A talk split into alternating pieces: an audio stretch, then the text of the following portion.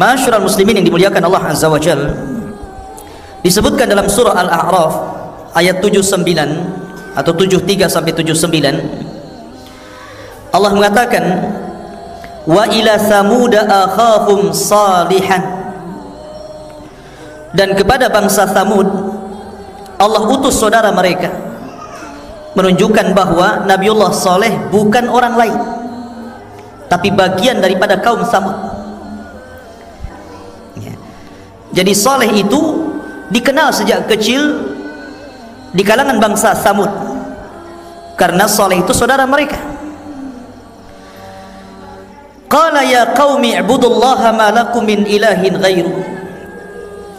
Ketika Nabiullah Saleh alaihi salatu karena kebaikan akhlaknya kecerdasannya keadilannya dalam keputusannya mereka mengharap Nabi Saleh itu menjadi pemimpin mereka tapi ketika Nabi Allah Saleh diangkat menjadi Nabi Kemudian mendakwahkan dakwah Tauhid Maka dari sinilah Orang-orang Samud ini mulai mengingkari Nabi Allah Saleh.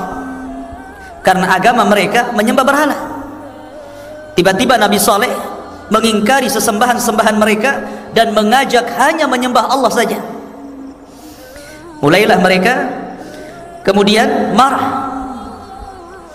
Sehingga kemudian Allah mengatakan ya qaumi ibudullaha ma lakum min ilahin ghairuh. Qad ja'atkum bayyinatun min rabbikum.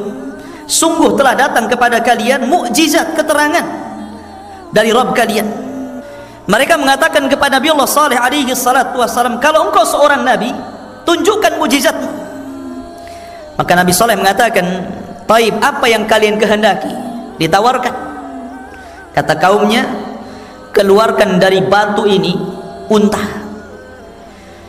Kemudian bukan unta saja bukan satu unta tapi unta dengan anaknya. Jadi keluar induknya dan anaknya sekalian. Dari batu. Ya kan? maka Nabi Soleh mengatakan taib kalau seandainya aku kabulkan permintaan kalian aku keluarkan unta dari bebatuan ini apakah kalian akan beriman kepada aku serentak mengatakan ya kami akan beriman. Maka Nabi Saleh salat dua rakaat. Kemudian memohon kepada Allah subhanahu wa ta'ala tiba-tiba keluar dari batu itu unta yang sangat besar. Kemudian diikuti anaknya dari belakang. Luar biasa. Tapi apa yang terjadi dengan kaum saleh? Mereka sudah berjanji itu. Kalau Nabi Allah Saleh berhasil mengeluarkan unta dan juga anaknya mereka akan beriman. Justru jumhur sebagian besar di antara mereka mengingkari. Dan hanya sedikit yang beriman dari kalangan orang-orang lemah. Begitulah tabiat orang kafir. A'angzartahum am lam tungzirhum la yu'minun. Kau berikan peringatan kepada mereka ataupun tidak tetap mereka tidak beriman. Maka ketika unta saleh ini keluar dan ini unta bukan unta biasa makanya Allah mengatakan dalam Al-Quran hadhihi naqatullahi lakum. Ini unta Allah. Seperti baitullah. Disandarkan kepada Allah. Menunjukkan ini bukan unta biasa. Ini unta Allah. Karena memiliki keistimewaan. Sebagaimana baitullah.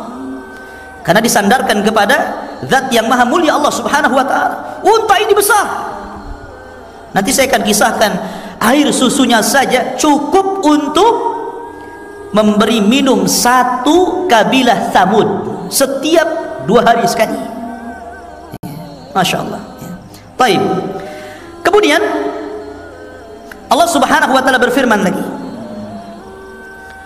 dalam surah Al-A'raf masih dalam surah Al-A'raf hadhihi naqatullahi lakum ayatan sebagai tanda untuk kalian walaupun orang-orang ini mendustakan ikhwan tetap saja manfaat unta ini mengalir kepada mereka.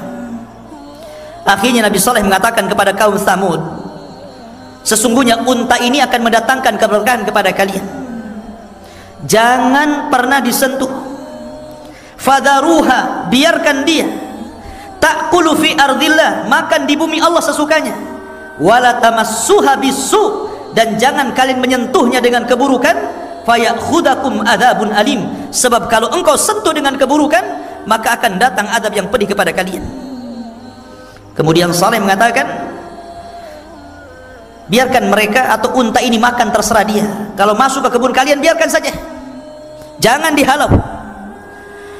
Dan sebagai timbal baliknya ketika satu hari unta ini minum kalian jangan minum. Jangan mengambil air dari sumur yang unta ini minum di situ. Tapi kalian boleh mengambil air susunya. Tapi ketika satu hari unta ini tidak minum di sumur itu kalian boleh mengambil air dari situ. Akhirnya apa yang jadi kesepakatan? Sepakat nih orang-orang Samud ini walaupun mereka kufur kepada Nabi Soleh. Sepakat. Subhanallah. Unta ini besar. Kalau tidak besar bagaimana air susunya bisa memberi minum kepada ribuan kaum samud ini kan mujizat satu unta tapi susunya itu kayak pabrik saja. Nggak habis-habis kayak keran aja gitu kan. Nggak habis-habis susunya itu.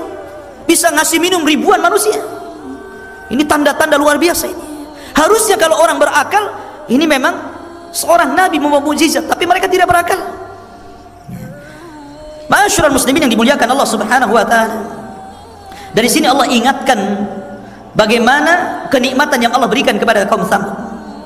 Wadhkuru ij'alakum khulafa'i min ba'di 'adin. Dan ingatlah kalian ketika kalian menjadi penerus setelah kaum 'ad. Wa bawwa wa bawwa'akum fil ardi dan kalian diberikan tempat di bumi.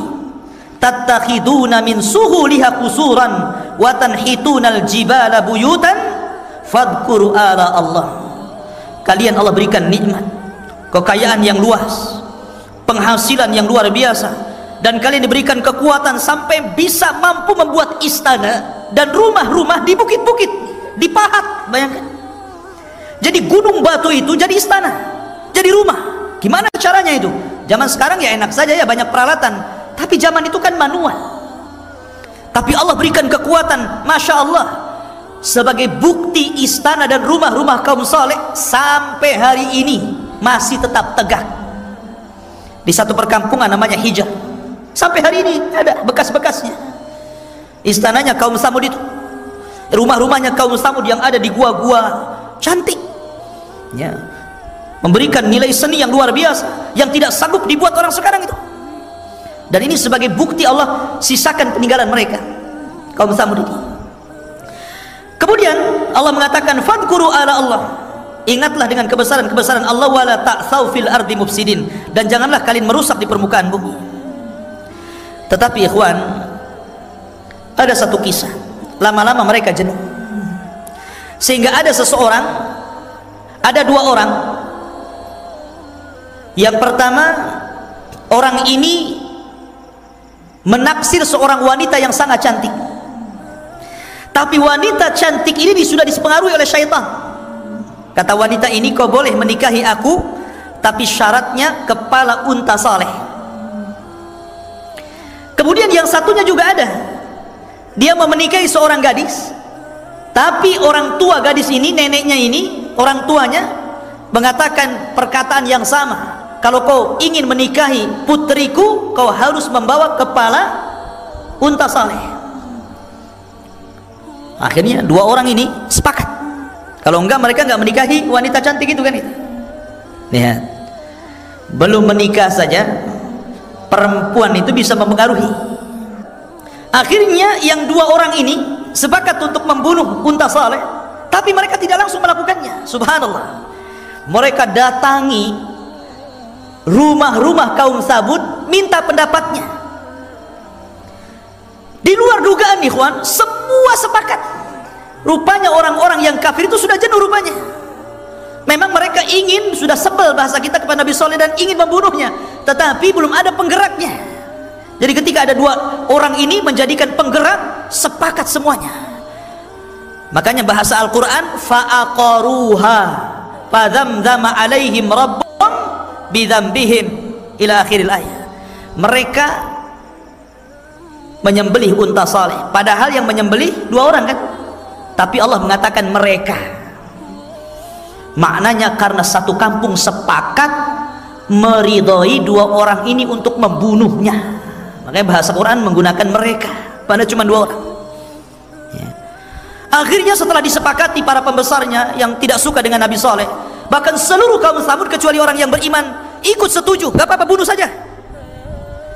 Maka mereka pun kemudian siap-siap untuk membunuh unta itu maka dua orang ditemani dengan orang-orang yang lain jumlahnya sembilan orang. Mereka sepakat untuk membunuh unta saleh. Akhirnya dibunuh betulan. Ketika unta itu sedang bermain-main di kebun didatang itu kemudian langsung diikat sana sini kemudian fa'aqaruha.